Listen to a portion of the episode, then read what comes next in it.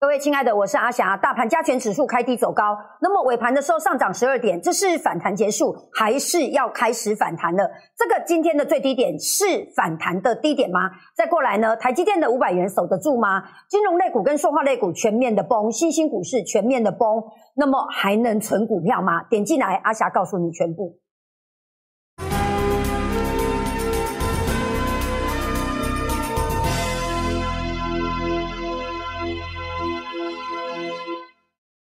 各位亲爱的观众朋友，你好，欢迎你每天按时收看《股票问我》。加权指数今天上涨十二点，成交量是两千五百六十亿元。好，那么呢，请所有进来的人呢，现在先按赞。那我们现在线上呢，一百二十八个赞，先来三百个吧，要不然呢，太不像话了，对不对？那今天呢，是一个非常重要的点，因为我今天要讲几个非常重要的概念。那么，请大家先打讲真话不媚俗好了。你们想听真的还是听假的？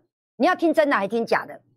就是你是要安慰剂，还是真的能够看到未来的？如果你是要安慰剂呢，那今天太好了，因为我今天只要讲说，你看开低呢，然后就果然走高，所以呢，现在多头最大安慰你的地方呢，他就告诉你说已经跌这么多了。各位，你从来没有想过，他今天还有脸说这句话，说已经跌这么多了，在下跌的过程中，他不是哪一个点上在帮你找反弹。哪一个点上不是在帮你找底部？例如说，这里帮你找底部，这里帮你找底部，这里帮你找底部，这里帮你找底部，这里帮你找底部，这里帮你找底部。他今天也在这里帮你找底部。各位亲爱的，你要听真的还假的？那如果要听真的话呢，就先来给我三百个赞，非常快速的，现在已经来到两百五十个赞了。先来三百个，不太不像话了，对不对？一进来的人呢，马上要听。好，那现在问题是开低走高，你现在怎么解读这根 K 线？好，所以呢，来三百个赞，我马上解读，就不要我浪费时间了。好，那么呢，我在等你们到三百个赞的时候，我们现在还缺五十个赞而已。好，来，那我先带你看几个一个米件啦，你没有看这个米件，就等于是没有方向啊。我们要先看什么挖哥哈？看一下来，先看先看台币啊，先看台币啊，先看台币。OK，台币在今天创新高啊。台币在今天创新高，对，今天的最高又创下了新台币贬值的新高。那么你知道在多头市场有一个叫做什么？这种 K 线你要看涨还看跌？各位，我们把这个图的上面把它划掉，对，然后呢，这种 K 线图你应该很兴奋，对不对？因为它在创新高，创新高叫做贬值，创新高叫做贬值，所以呢，今天台币对。还在贬值的轨道里面，and 创新高。这个上影线还在创新高，六款掉不？六款掉不？六款掉不？五款掉哈。OK，非常好。那你们听要听真的还是假的？要听真的还是假的？当然要听真的嘛，对不对？OK。那么我之前我就在这里说，台币要开始贬值了。好，那么呢，现在的今天的贬值还在看到新高。我们再来看一下呢，除了看这个之外，再看一下其他的收窄，好不？好非常好哈！快点，赶快先按赞哈！先看一下其他国家了，看一下看一下其他国家了，看一下其他美元走强会怎么样？嗯，是跟他台湾卖，你还是赚世改弄卖啊？你现在所看到的是越南，越南在短短的一个月之内哦，从多头，从多头，台湾股市是在今年的一月五号见新高的，越南呢是在短短的一个月内马上这样衰。马上再衰，这上面的年线，然后 end 什么又拉下影线，下影线代表防守，所以嘞，所以嘞，所以还在跌势里面，所以可以反弹结束了，可以反弹结束了。你现在所看到是越南，对不对？来，快点来，我们赶快三百，好，太好了，已经三百八十一个赞了。那么你们的赞数越多，我就讲越多哈，要不然我就随便讲一讲就好了哈。你现在所看到的是印尼，印尼股市，先看到印尼股市了，就是说我的意思就是说，在看我们这里今天的低点。是不是低点的时候先看一下别人的哈？好，那么各位，我跟你讲，就我个人之所学哈，我认为红 K 不是底部，只有跳空的底部的 K 线不是长成这种 K 线，这种 K 线是什么？是下跌过程里面的 K 线，是下跌里面的的 K 线。那再来看一下美国的纳斯达，再看一下美国纳斯达哈，各位。昨天我在节目中讲说这个是很严重的，那今天呢下跌五百二十一点哈，那你如果你只看美国纳斯达克，太可惜了，太可惜了，再把它缩小，再把它缩小，各位，这是一个什么？这是一个什么？这是一个这个波段里面的总修正，再来一次，先把美国搞清楚，我们才能够把台湾搞清楚。只有把美国先搞清楚，这里是我们的八五二三，这里我们这是我们的一万八嘛，对不对？好来，那么美国股市在什么时候见新高的？美国这是比我们早啊，比我们早。美国股市在这里见新高，什么时候？是去年的十一月就见高了。美国纳斯达在去年的十一月就见高了，所以十一、十二它比我们早了两个月。美国比我们早走空两个月，比我们早走空两个月。各位，我再丢一个题目出来：新台币贬值。台股下跌，那为什么美元升值，美股没有上涨？再来一次，我再重新把题目说一次。如果你想听解很很浅的节目，你就去其他台。对，如果你想听我讲真话，你就好好的听我说。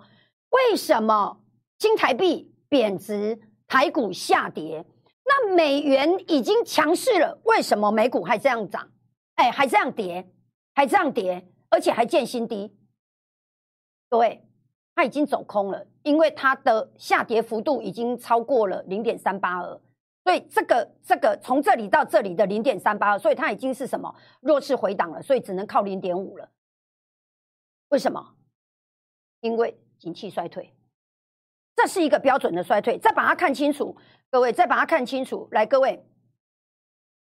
我们台股的半年线跟年线还没有死亡交叉，还没有，它已经死亡交叉了，它已经死亡交叉，它比我们早两个月嘛，所以它已经死亡交叉了。所以呢，它是一个半年线跟年线完全死亡交叉的，所以这里是一个长空，这里是一个中空，这里是一个五到十日线的破底。各位，地趴新特别钢基沙钢的绕赛，这是非常标准的什么主跌段？美国的纳斯达是一个非常标准的主跌段，那会怎么样？跌幅破了零点三八二，还有还有零点五，还有零点五。再从日线里面去看呢，起码事实上就是我为什么看得很保守，是因为情况远远远比你们能想象的，远比多头分析师。所以如果你要我安慰你，我都一样可以跟你讲啊，大概呢一万六守得住。但你如果要我安慰你，我就告诉你一万六守得住。如果你要听真话的话，那我就告诉你守不住，守不了。完全守不了，看这里来，你现在所看到是纳斯达指数，这是周线嘛？哈，周线已经跌破了这里了，下面存加，下下一个目标就这里啊，美国纳斯达下一个目标就这里啊，所以这个都已经跌破了半年线了哈。回来看台湾，你现在所看到的是什么？再来一次哦哈，你现在所看到美国纳斯达，我们刚不是看到这里吗？再来一次啊，你多少？各来一根，你你你敢拿我来攻上？知道我在讲什么？举手。你现在所看到是美国纳斯达的周线，周线已经破了这上面的第二条了，已经破了。它的下面一个支撑在这里，台湾现在还在这里，所以，所以，所以今天的低点不是低点，这是我的看法。那如果我再大胆一点的话，我认为反弹已经结束了。我认为反弹已经结束了。好，非常好，现在已经集结到。五百个赞了，快点，赶快给我五百个赞，因为我我想要冲一千个赞，对，一千个赞只是一半而已哈。那各位快点来，赶快过五百个赞，然后呢，我到八百赞的时候，我再讲一下，我再带你们看 K 图，你把把 K 图看懂，然后再开始看股票，好不好？来，快点来哈。我们现在线上呢一千一百位朋友同时在线上哦，非常快速，在五分钟之内哈。好来，你现在所看到的是加权指数。不用我催战了，大家赶快赶快按赞就对了。你现在所看到的是，我认为，来我的我的颈线设在这里。我今天我今天进去空了，我今天进去空，我待会讲一下我的动作哈。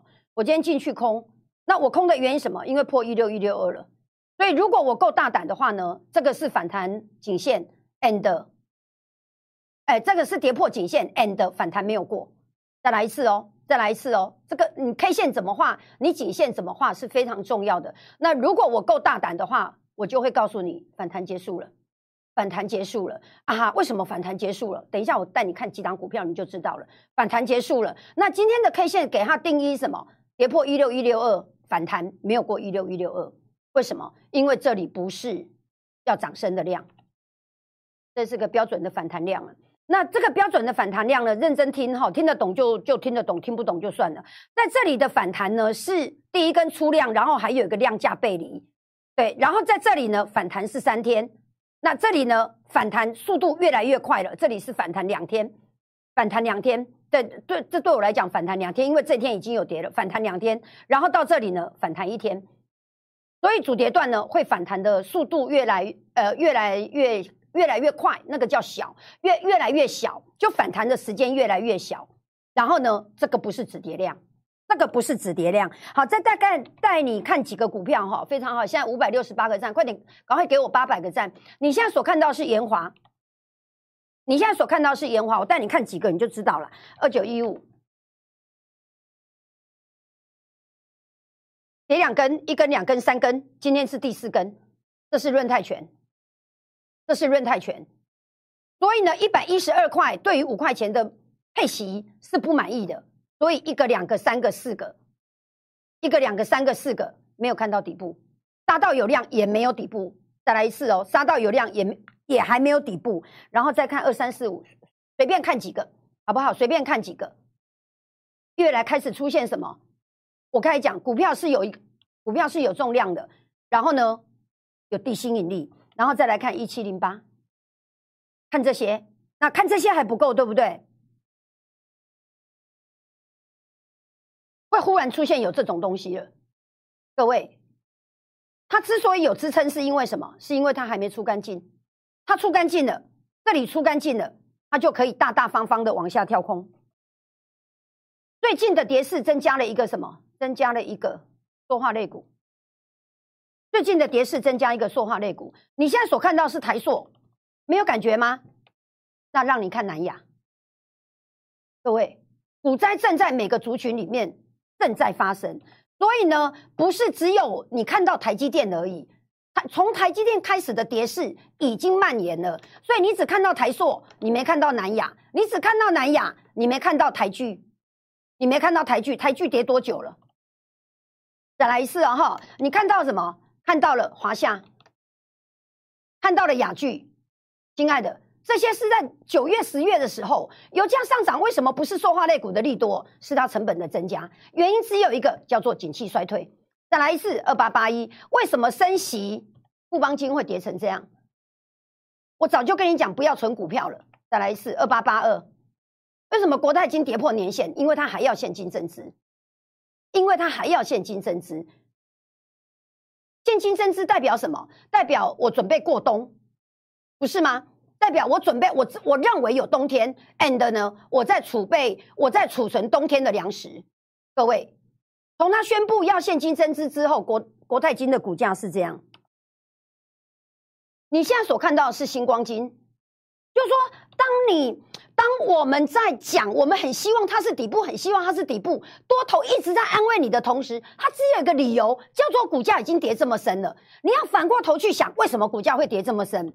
我待会带你看空头市场会跌到什么程度，各位亲爱的，所以我要说的一件事情叫做，你们可能不能够了解，起码记得准一根有没有变啊？你知不？安怎变？这一根变啊？这一根变啊？再过来，然后 OK，我再多带你看几个。阿布伊资产类股可以吧？资产类股，好，我们再来看，大家都问我。啊，塑化塑化怎么？哎，不，那个航运航运，我说称航运是没有用的啦，最没有用的东西叫称航运呐。各位，你看到了，你看到了，在称航运的同时，台湾人就是傻逼，你知道吗？金价是超级傻逼的。你们都看价格，你都没有看到它为什么要拉上来？它拉上来是为了让它出掉更多的东西。现在呢，它的这个是它的这个，啊，的景气的卖呀，你是不是再向入准呐？各位再来一次哦，哈，开始慢慢讲重点哦。你现在所看到的是南电，南电今天的股价还在见新低嘞，外资又跑了。所以各位，我们为什么要摸底？你多头为什么要摸底？为什么要摸底？因为它看起来很像底，可是你不知道这个底是什么。这个底是这样的底，是外资用来跑的。再来一次哦，你现在所看到的，好，万红看起来很像底，对不对？各位。在那，在那里洗，在那里洗，在那里洗。我我我我隔壁工上，诶，二三二零，呃，啊，跟跟我下面股票二四五四，对不对？看一些把这些全部都扫过之后，我也很想讲它是底。可是，亲爱的，我们之前呢，呃，台股有一个错误叫做大力光从六千跌到四千，从四千跌到三千，从三千跌到两千，我们都觉得哦，它跌很深，它跌很深的。各位，外资从来没有认为它是底，结果它现在在可以在一千六左右混。再来一次，联发科，你看就觉得应该是底了，应该是底了，从一千一跌到八百二还不是底。各位，那同样这个道理，终于看到台积电了。各位，台积电的尖的最低，尖的最低还在建新低。我们有看到，在过去的这段时间，有因为台积电破六百的下跌的下跌而看到外资有认为啊，这里是底部了，我大概要进去买它吗？没有。再来一次，你现在所看到是大力光，后来我知道就是反正沿路的下跌来宾啊，那背啊背，赶快又抛掉，就就这样子啊。所以不要只是看价，各位亲爱的，我。没有要安慰多头，不是因为我心狠，而是我觉得摸底是一件本身很危险的事情。在过去的二十年里面，台湾股市有四次空头市场；在过去的二十年，在过去的二十年，台湾有四次空头市场。前面的三年全部都是在十呃十五年前，各位，也就是台湾股市已经十五年没有走空了。没有什么走空，没有那种年线、半年线死亡交叉，然后月线、季线死亡交叉，全部没有这种 K 线的。十五年来没有出现过这种 K 线，没有。这就是为什么我觉得要做一次脑袋的大改造，你才能够了解啊。今晚你起跨点上，我跨点杀掉逃啦，你懂我意思吗？这种 K 线从来没有出现过。再来一次哦，阿霞，那八五二三不算吗？当然不算，当然不是。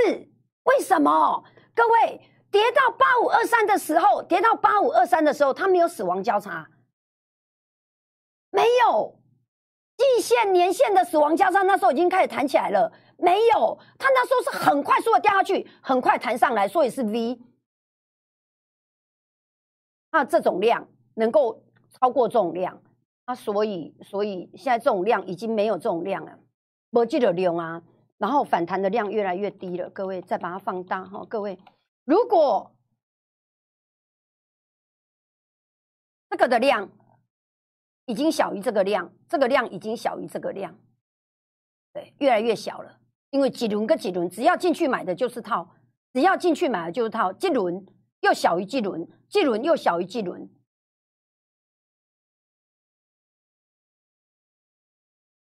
这里的。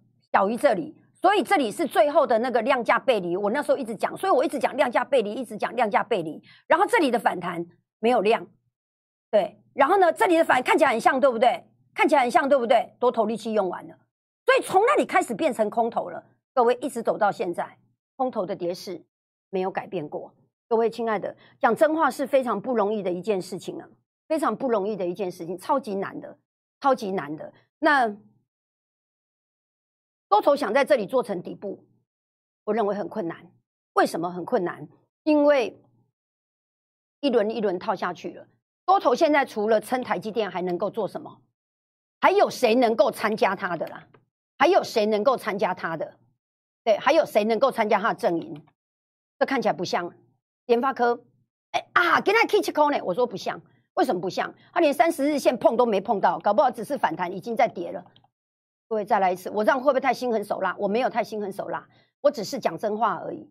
各位再来一次哦，你现在所看到的联发科，联发科涨七块，联发科涨七块，我认为反弹结束了，就在四天前结束了。它连三十日线它都站不上去，这种量要回三十日线太困难了。那它有没有好朋友？台积电有没有好朋友？台积电好朋友红海不算，因为它它它一直在下，一直在一个下降轨道里面。一直在一个下降轨道里面，所以撑台积电是没有用的。阿霞，为什么撑台积电没有用？再来一次哦，你看一下美国的台积电。对，如果我们要扫盘，我们要这样扫，这才是真的讲真话不媚俗，不是吗？各位，再来一次。我多我多久之前就告诉你说，台积电加起几条桃呢？那这个价位在哪里？你知道吗？这是台积电的五百一的价位。那是五百一的价位，一直到今天早上的美国的台积电还在什么？还在建新低，这个价位相当于哪里？我把它把它对照起来哈，把它对照起来，那那要听真话嘛，对不对？好，OK，你现在所看到的是今天的这个嘛，哈，对照起来是一万三的价位，对照起来是一万三的价位，这个这个区间就是一万三嘛，好来。在这，最高点在这，这是我看盘的方法了。这是我看盘的方法了，就是我会去盘面上找线索。那我非常愿意把我会的，我认为它是一个方法，而这个方法呢，让我在一万八千五百点，我全身而退。我的空单是从一万八千三百点放下来的，所以也就是因为多头市场里面赚到钱是比比皆是。但是在空头市场，你要能够全身而退、放空下来，是一件非常困难的事情。各位能够了解吗？我愿意把它教出来，可是你要愿意学。好，那么这个礼拜五呢，我要讲的演讲非常的简单，我想讲外资。外资在这一次里面呢，它不是做大台，它做小台，而且是小台的大的好多空单，直接它它放大了它的杠杆。好，那这一些呢，我。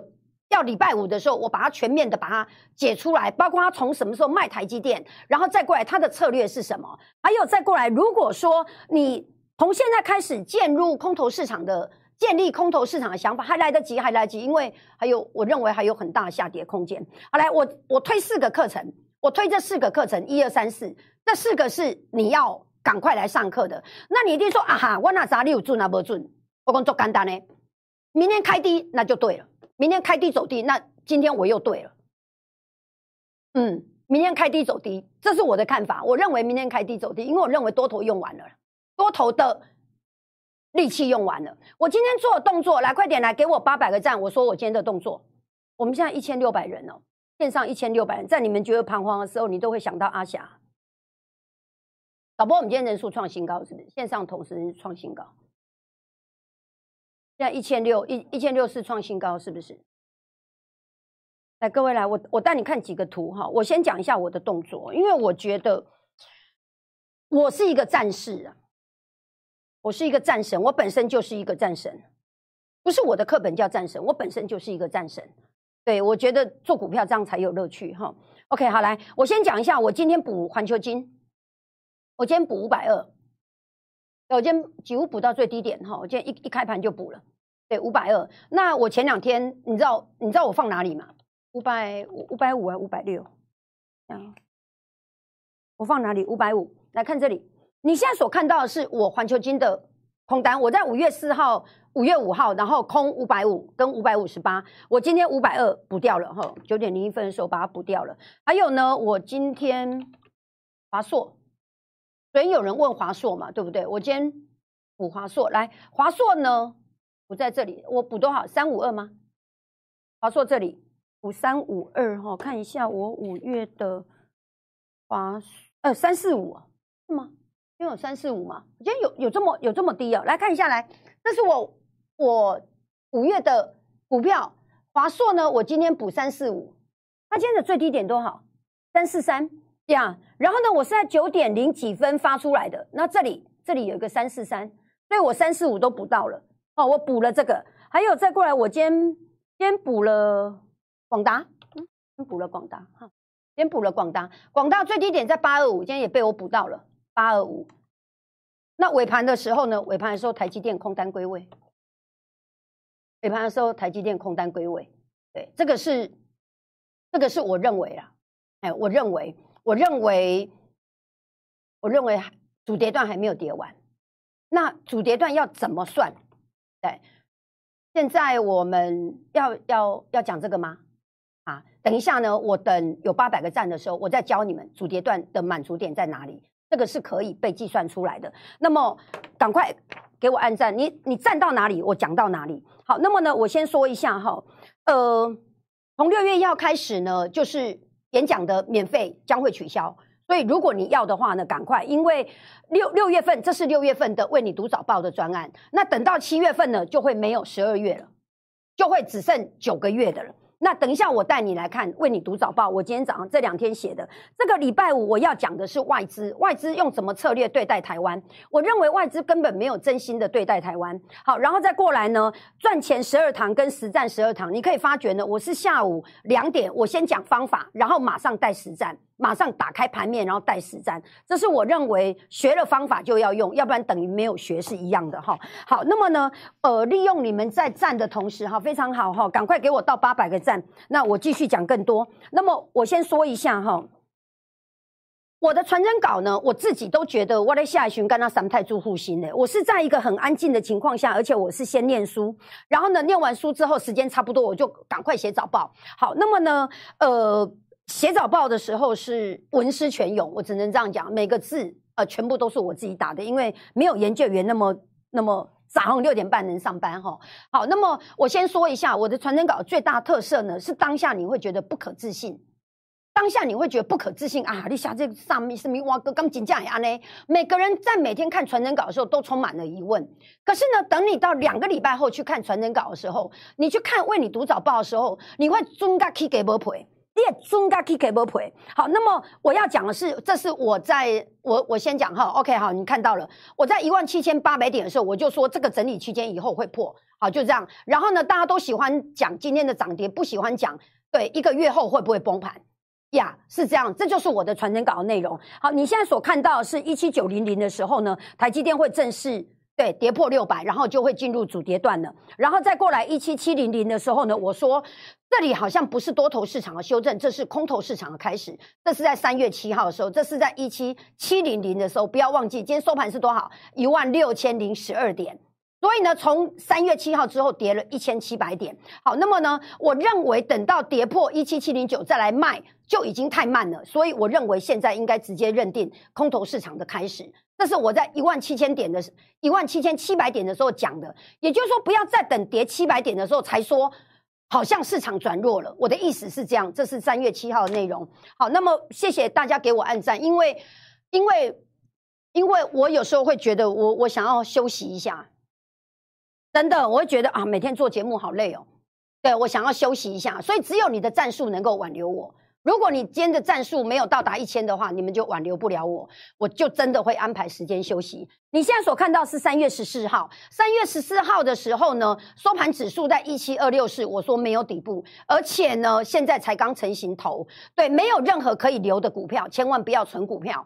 所以没有任何留的股票，包括什么？包括台积电，包括塑化类股，包括金融类股，没有留的股票，没有可以留的股票，千万不要存股票。这是四月六号，我说这个是常态量了。然后这研判很重要，因为这是什么？这是盘跌的量缩。我认为清明。清明节后，对，就变盘。清明节后变盘，那怎么样变盘呢？就是要就是往下变嘛，就是往下变盘。哎，对，就是这样子。好，那要完全的空头，这是四月八号。然后我认为四月，对我我认为四月份崩盘，所有的所有的，包括台积电，包括金融类股，你有看到没有？各位，就你在看的时候，当下你是觉得很不可置信的啊！你那你那安那垮？对我不是今天下跌，所以你看哦，四月。八号好，包括金融类股好了，回来看一下来，因为你如果没有这样看的话，你会不知道啊，好瓜厉害啦。四月四号在什么时候？在这里了。四月四号，一二三四，好好，OK，好，就这里了。你看，这是富邦金的最高点呐。再来一次拍水？四月八号，这里来看这里，四月八号，呵，我怎样给那做起来猛高票，对不对？四月八号，所以你看，我是在。金融股最高的时候，我说什么？我说不要有，所有股票都不要买，包括金融股。再来一次哦，富邦金的最高，这里，这里，这里，对，这一天就是四月八号，这一天，四月六号、四月七号，就这里，就这里，就这里，今天跌到这里。那时候的富邦金多少钱？多少钱？七十七十六块，现在六十七块。同样这个时间点上，四月八号，国泰金在哪里？国泰金在六十五块，现在在五十八块。那你说我知道它现金增值吗？我不知道，但是我知道嘞，覆巢之下无完卵。再来一次哈，因为如果不带你把它这个看完的时候，你会觉得啊哈，一路走来，我听人功力盖准，外公我得是加准，一万七以上就是投了这主跌段的主跌段，然后不拉不拉不拉这样直接贯阔一万七哈，然后再过来呢，四月十八号，然后呢，一万七是中期的停损。的中期停损注意看这一张，一万六是长线的，一万六是长线的，就是今天，就是今天破一万六，就是今天一六一六二，就是今天破的。一万六千点是长线投资人的停损点跟停利点，各位亲爱的胡弄亚迪基买，我告诉你，如果你自以为你是长线的投资人，你应该卖在今天，因为一万六破了。那你说啊，收盘啊，我唔知你有准啊无准，我讲做简单，明仔载落的时阵，你就知啊哈准啊。啊，所以明仔载落的时阵呢，一万六是什么？是长线投资人的停损点跟停利点，这不是我今天写的，这是四月十八号写。所以说，哎，那时候收盘才多少？那时候收盘一万七，我就已经在讲一万六了。就这里，所以一万七应该什么？应该中长期一并出场。再来一次哦，只有你们的战术才能够挽留我，要不然我要休息几天了。五月三号，对啊，那我我就跟你讲，一万六千点跌破一万六千点是头哈。那这是五月四号，叭叭叭叭这样几堆。这五月五号，那空头市场，对，看到涨就涨完了。对，所以多头不用怀抱希望，空头也不用沮丧了，拉起来最有肉，最有肉可以空了。好，那你现在所看到是五月六号，五月六号上个礼拜五嘛，哈。OK，我们现在战术是八百八十五。你们今天的节目中没有到一千个赞，我下个礼拜我要安排休息的时间了。我会员当然一样要照带啊，但是我可以不要做节目啊，你们又是免费看的，你们都是免费看的啊，都看免费的，你连给我赞你都不要，我干嘛做节目给你看？各位亲爱的，可以了解吗？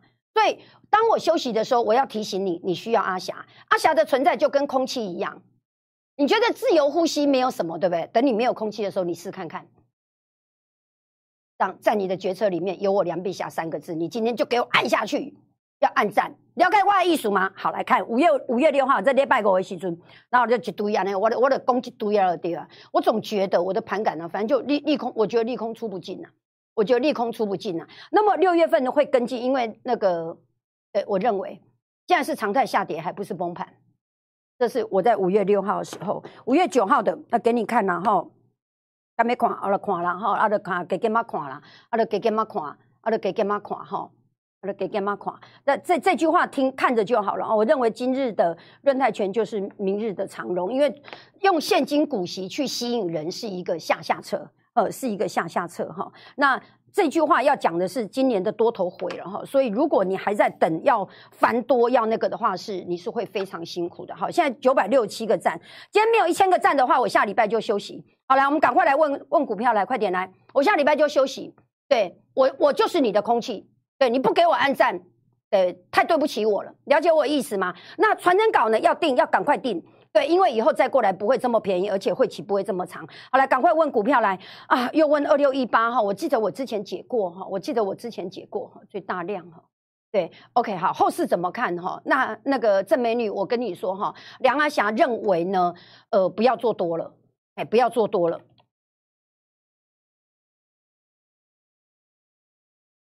他做了两个头，他做了两个头，外资拉起来都站在卖方。美女，你看到没有？你有看到不？所以一家一家出偌济，你知不？一家出到有够水亏耶，人家出了爽歪歪了，出到爽歪歪了。对，然后呢，利多在在反应，在在钝化，利多在钝化，所以找机会造，你起码给我发多造，找机会造。好，我们看下一个，对，要问的股票赶快问哈。OK，联勇怎么看呢？不是底部哈。哎，我我今天是不是放空联勇啊？我今天好像就放空联勇，这是真的，这是真的。对，我觉得涨完了哈，OK，多头的多头的思维是不一样的哈。我认为反弹的时候出量是反弹结束哈，三零三四，OK，三零三五，同样的这个哈，我在这里空，对我我在这一天空嘛，我在这一天空，然后在这一天补哈。那三零三四一样的，就是你要去找那个最有肉的那个反弹那个点，给它空下去哦。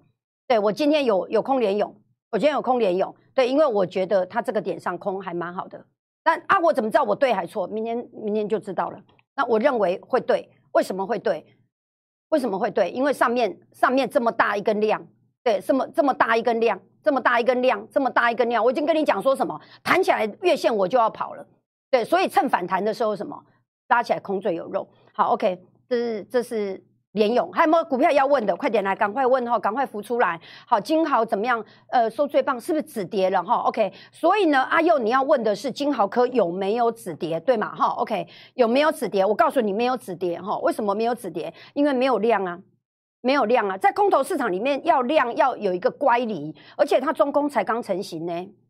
对，然后不要买哦，不要买哦，哈，不要买哦，哦，不要买哦，对，不要买哦，哈，不要买。OK，好，谢谢。来啊，还有没有？赶快要问股票的，赶快浮出来。六四四六哈，就局我跟你讲，这无法研判哈，这无法研判。对我很希望呢，这个呃，对我我很希望生技类股很好。对，我很希望生技类股很好。那我也相信耀华药是好公司。对，那呃四六，对，我我我敲几档给你看，就是拉上来的时候，对，那耀华药跟别人是不一样，它有七年的独卖，那所以它是很特殊的例子，很特殊的例子。对，然后祝福耀华药公司。对，OK，好来。对，没有办法看呐，因为现在的行情是这样啊，他一枝独秀，所以我们就祝福他。哎，可以让你看的什么？OK，好。一般的生技类股长成这样，一般的生技类股长成这样，你有没有看到？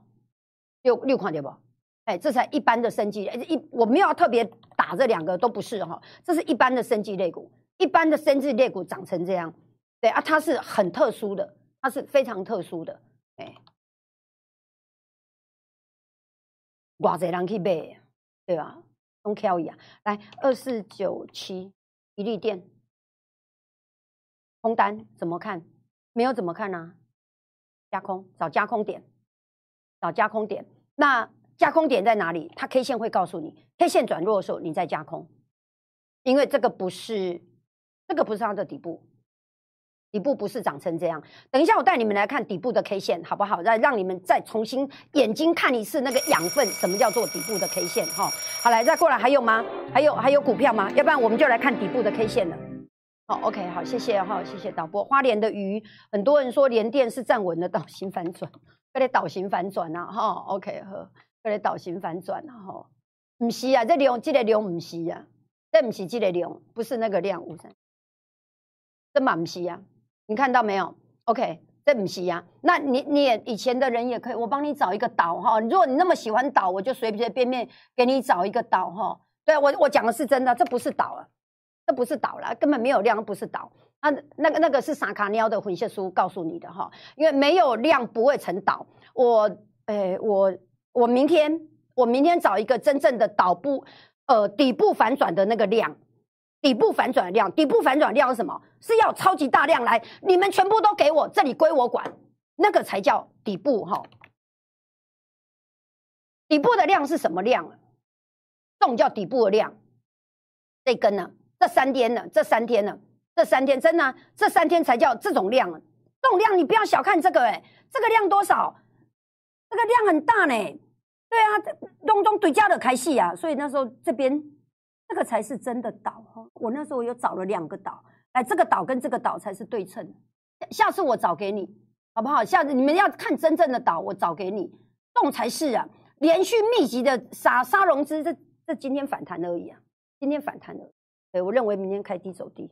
好来，那么呃，过一千零六十四个站哦，你们用你们的战术留住阿霞。OK，好，那还有股票吗？两百四十为什么是设两百哈？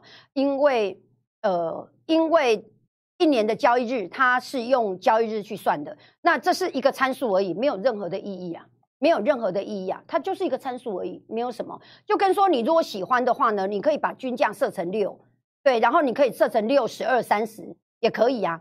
那当你的系数越长的时候，你的价格敏感度越低嘛。对你也可以设成三呐，你这边呢，这边你也可以设成三呐，就是一个，你也这里，你这里也可以设成一百啊，可以啊，随你哦，这个是随你的，因为因为用不到，因为用不到，因为距离这么远用不到，对，所以这个是随你设的，啊，这个设了就这样而已啊，就是平均的话是两百个交易日，对啊，半年的话呢是一百二，这只是一个习惯而已，没有特别什么，三四四三的创意。创意可以空吗？让它转弱好不好？让它转弱。如果你要空的话，如果我空的话，哈，因为它今天收盘在这里嘛。如果我了，哈，如果我空的话，你要安全的点，我大概会把这根大量吃掉。我们来研究哦，哈，OK，只是研究。就今天的收盘是是这样，对不对？我大概会等到它这根 K 线被吃掉。那这根 K 线什么时候被吃掉？很简单，就他会跟你讲啊。那为什么选这根？因为量在这里啊，量在这里，多头引进去，and 多头全部被歼灭的，就是这根 K 线的这个低点被吃掉的时候，那就是你的空点了。零番茄这样可以了解吗？哈，OK，好，来我们看下一题，这这样可以了解吗？所以多空头是一个对看弱的时候打弱的，对，它是一个打弱水狗、弱水狗的概念哈。台积电怎么办？没有怎么办呢？台积电我今天空单归位，台积电我今天空单归位，因为我觉得它反弹结束了，有点大胆啊。可是我觉得这里不是底部了，因为底部不是这种量。我带你们去看一个今天的节目做结束哈，好来，我带你们去看一个底部 K 线长成怎么样？在过去的台湾股市，在二十二十多年哈，将近三十里面，只有四次空头市场。那这四次空头市场前面的三次都在前面的十五年，所以十五年内，我们现在的盘势是十五年内所没有的哈。我们去看一个空头市场的。K 图看这个 K 图应该够的，好来，你现在所看到的是这个是从九八零九是不是九八五零？OK，好，往下往下跌的这个这个空头市场，那为什么选这个当空头市场？因为很简单呢，因为这里才是均线的什么，才有所谓的死亡交叉，才有所谓的底加了，底加这边就死亡交叉了，然后这里有个逃命，那台股这次没有逃命。好来，那我要讲的事情叫做来把它放大哈，每一根 K 线都是一个一个很。很辛苦的血泪哈，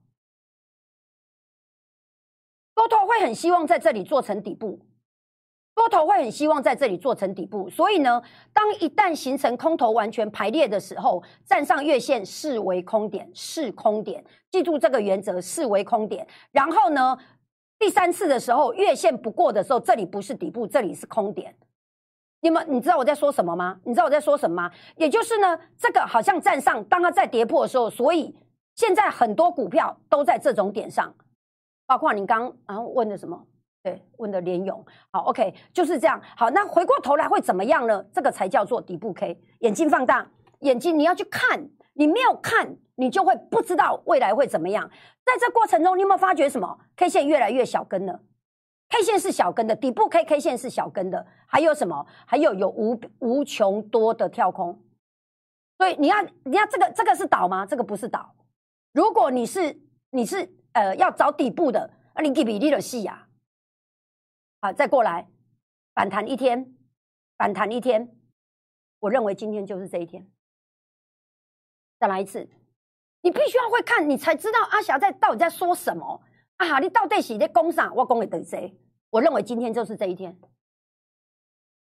因为它的岛才刚回补完破新低，一天反弹结束又没有量。往下对又没有量，所以 K 线长成怎么样才是底部 K？这个才叫底部 K。我会的我都教你，我会教你们。对，可是你们没有给我按，没有给我按赞，是对不起自己，不是对不起我，对不起自己。所以这个才叫底部 K。所以底部 K 它的空间变什么？变大了，变大了。所以在下跌过程中，这个都不是倒，这个也不是倒，这个也不是倒，这个当然更不是倒。你会在这一天说这里是底部吗？不会。可是你在当下那一天，如果我们现在是在民国二零零八年的十月七号，你说啊哈啊哈，今天开低走高，哎，那一天的最低点是呃五三五二，收盘的时候呢五五二四，那一天开低走高，涨三百点，涨完了，啪像拿吹了。各位，你知道我在你早上过来攻上。过去的三十年有四次的空头市场，现在是第四次，前面的三次都在前面的十五年，所以换句话讲，这十五年来没有人遇过空头市场。所以我带你眼睛去看这个，你才会知道我在攻啥。我认为今天就是这种 K 啊。你说啊哈，霞呢？我讲得霞呢？就是这样，因为它的 K 线还这么大，跟这不是啊。就那一天也是反弹三百点，再找一个，然后我们节目再来结束哈。对，因为你们的一千一百多个赞，在我的节目中这样子，让我还蛮感动的。我们现在线上快两千人，你们就是一定要这样子，要要要听我讲这些哈，呃，非常刺激的言论，你们才会爽哈。我们来看一个二四八五的好不好？所以你的眼睛要看到，你要看到，你才会知道你到底在干嘛哈。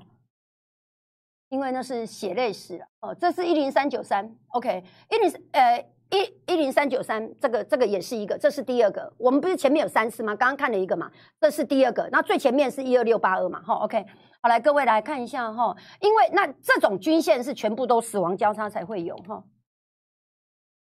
我们现在根本都还没到这里嘞，所以这里不会有像样反弹哈。OK，好来找一个这种 K 线给你看。就会知道我在攻上。再放大哈，快了哈，快了哈，快快找到了哈，OK，各位亲爱的来看一下，就是这种才刚破前低 and 当天反弹结束，再来一次哦，进这个的假设现在是二零呃，现在在民国八九年是呃一九二零零二零一零哈，OK，这是二零一零，时间内过那么快。这一天的最低点是七一五三，这一天的收盘是七三九零，所以那一天的反弹四百，所以反弹了两百五十点，对吧？所以我我要说的事情叫做，才刚破新低的那个反弹，当天结束，然后呢，跌势加快，我是完完全全的空头思想啊。那为什么我完完全全空头思想啊？就都空牌呀！你洗掉为什么要找底？所以找底的当天马上死了，隔天就开低走低，就这样就开低走低，它不用出量哦，不用带量杀哦，然后这个就带量杀，然后就从此塞尤那拉，这个点上是一个七千点，后来跌到哪里？得到五千点才反弹，要不要跟冷清点？哎，要不要跟冷清点？哎，过来一根了哈！你现在所看的就是这种点，才刚破新低啊！现在不是这样吗？那现在就是这样啊！谢谢你们给我一千两百个赞了，快点过一千两百个赞了！这谢谢你的赞，要不然我是真的很想休息啊。我每天晚上都在针灸，我的手好痛啊，痛的要命。你现在所看到的是才刚破新低，才刚破新低的那个反弹，可以当天就结束了，就是这种 K。啊哈，我那咋你有数吗？明天开低走低呀！阿天你有掌握五准啊！再来一次哦哈，我们把一二六八二的全部都看完，然后就赶快做结束。总共有四次嘛，一二六八二的赶快来哈！一二一二六八二了吗？不是啊，这是一零一零二五六，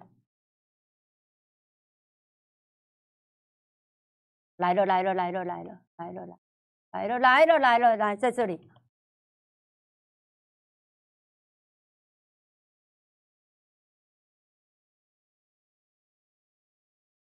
一二六八，看到没有？一二六八二，然后其他的嘞，就是从完全的多头变成空头的那个点上，是这种 K 线，看到没有？就一二六八，然后破年线呢？破年线它下弯的时候。半年线跟年线的死亡交叉已经在哪里？已经在五千五百点了。到五千五百点的时候，不是止跌，是跌到二四八五。所以我们应该，我们明天来算一下半年线跟年线什么时候死亡交叉。然后呢，再过来月线跟半年线的死亡交叉的时候在哪里？在八千点。所以那时候已经跌三千点，跟现在一模一样，跟现在一模一样。所以要跌到三千点才是季线跟半年线的死亡交叉，就在这个点上。就在这个点，这个刚好现在也快跌三千点，就是这个点啊。好啦，那再把它放大啊，哈，OK，再把它隔放，我们到底未来会长成什么样？历史会一再的重演。那科斯托兰，你说为什么历史会一再的重演？因为人是健忘的。他说历历历史为什么会再重演？因为大家都忘记了，大家会忘记，会忘，会忘记长成什么样子。那么。破新低的反弹，破新一直破嘛，这个破这个低，这个破前坡的低，一直到有形态出来哈，这个是它的颈线，这个的那那个时候的地位相当于相当于呃一六一六二，就这个啊，这个相当于一六一六二啊，然后这边是一八零呃一八六一九，然后回过头来，然后破弹不过。各位再来一次哦哈！我现在不要动哦，你往左边看，有没有看到破颈线的反弹？就是之前的什么一万六千七百六十四点，就是在这个点上，所以这个点已经反弹过了，已经反弹过了，已经反弹过了，在这里已经反弹过了。那反弹过了之后会怎么样？啊？往下，往下。就一路往下了啊！K 线只有一个叫做什么？如果要底部 K 的话，都是小支的，没有大支的。大大支正在跌的，对，大支正在跌的。随随便便哈，看一下反弹到五日线，反弹到五日线，五日线连五日线都没过，直接再往下破底。底部一定有跌停，各位，底部一定有跌停。那一天已经跌到多少了？你还记得吗？那是一九九零年。那个跌停那一天跌了一百七十二点，加权指数跌六点二九趴，那时候的跌停板是七趴，对，所以呢，指数哦，这是指数哦，这不是个股哦，对，是所有的股票全部都跌停，这才叫底部 K。各位，这里哪有？这里多头还一天到一天到晚告诉你说，对，已经跌那么多了，大家不要杀吧。所以你现在到底要听真话还是要安慰剂？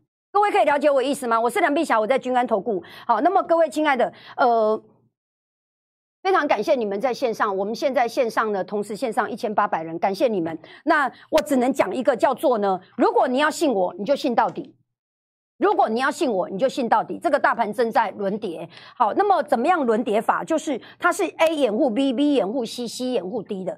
所以呢，我希望你来上课，因为这个太便宜了，这个太便宜了。那因为很便宜，因为很便宜，所以我觉得你能够学到很多的功夫。然后我会把我会的都教给你啊！我也不知道为什么我这么对股票充满了热热情。我对股票充满了热情，那是因为我觉得把大家都教会是应该的。因为我是北漂啊，我本来就什么都没有啊，所以我把大家都教会了，然后让会的我会的你会，然后你会的你小孩会，然后呢，你的你的命运可以。得以改变的，这是礼拜五的演讲，OK，好，然后再过来呢，再过来是六月一号开始已经没有赠送免费的演讲了，这样可以了解吗？好，然后呢，我希望你赶快回过头去补上课哈，就总复习班的一二九九一二九九这样，好，OK，你到哪里去哦？就是到赖里面说阿霞，我要战神一的总复习班，我要解题班，我要台股底部，然后我要赚到最高点，我要你所有的东西通通给我来一份，反正才一千两百九十九块，我是梁碧霞，我在君安投顾，那么。赶快参加指数会员，因为后面还有以千点为计的赚钱空间。感谢您今天收看，我们明天同一时间再见，拜拜。